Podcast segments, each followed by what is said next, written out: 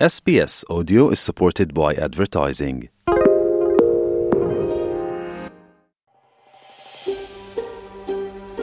Вие сте со SPS на Македонски. Слушнете повеќе прилози на sps.com.au козацрта Macedonian.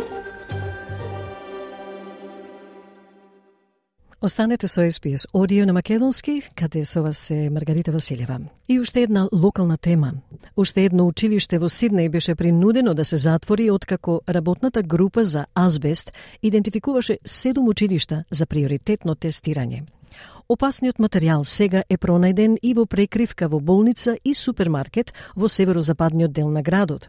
Седумте училишта беа избрани за така наречено тестирање на предпазливост, откако Управата за заштита на животната средина, APA, спроведе следење на контакт со синџирот на снабдување.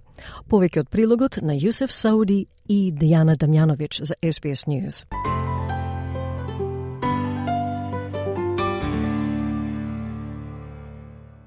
Има знаци на азбест во некои училишта во западните предградија на Сиднеј, како училиштето во Мазден Парк, кое е затворено и каде теренот е без персонал и студенти поради тестирање за азбест од страна на Environment Protection Authority.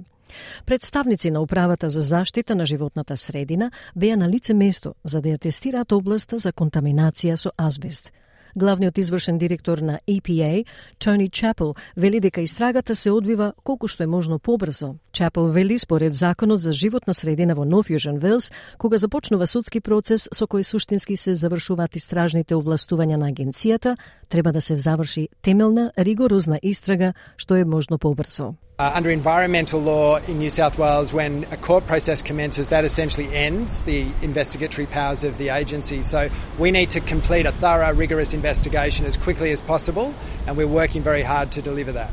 Католичкиот коледж St. Luke's Catholic College во Мазден Парк е едно од седумте училишта на Сиднеј кои сега се под истрага. Сите тие се поврзани со прекривка загадена со азбест, што е поставена на локации низ градот.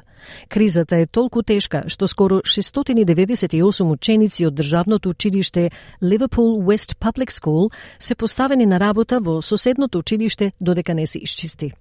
Но пораката сега е јасна дека рециклирана прекривка повеќе не е дозволена – На крајот од училишниот ден во International Grammar School, родителите имаа различни мислења за новото предупредување за азбест.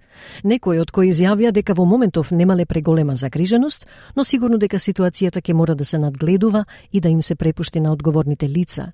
Други пак изјавија дека имало азбест на секаде, веројатно има азбест во задниот дел од нивната куќа и мислат дека никој не се разболел од него, па затоа се прилично убедени дека училиштето соодветно ќе се справи I don't really have too huge concerns at the moment, but uh, certainly we'll kind of have to, we'll have to monitor it and um, you know, leave it to the persons in charge, really.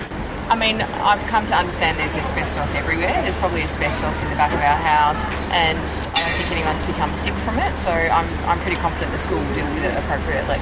Always worried, but I mean, until they find something, you, you keep going and you keep, um, yeah. Управата за заштита на животната средина вели дека заедничката врска помеѓу сите локации за азбест е снабдувачот со прекривка наречен Green Life Resource Recovery.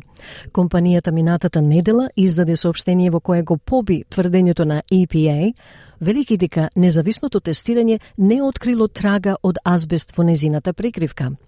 Green Life исто така ќе даде предизвик на тврдењата од EPA во судот Land and Environment Court за да ја оспори наредбата на EPA што ги спречува да ја продаваат прекривката. Од прилогот на Јусеф Саудије и Дијана Демјановиќ за SBS News.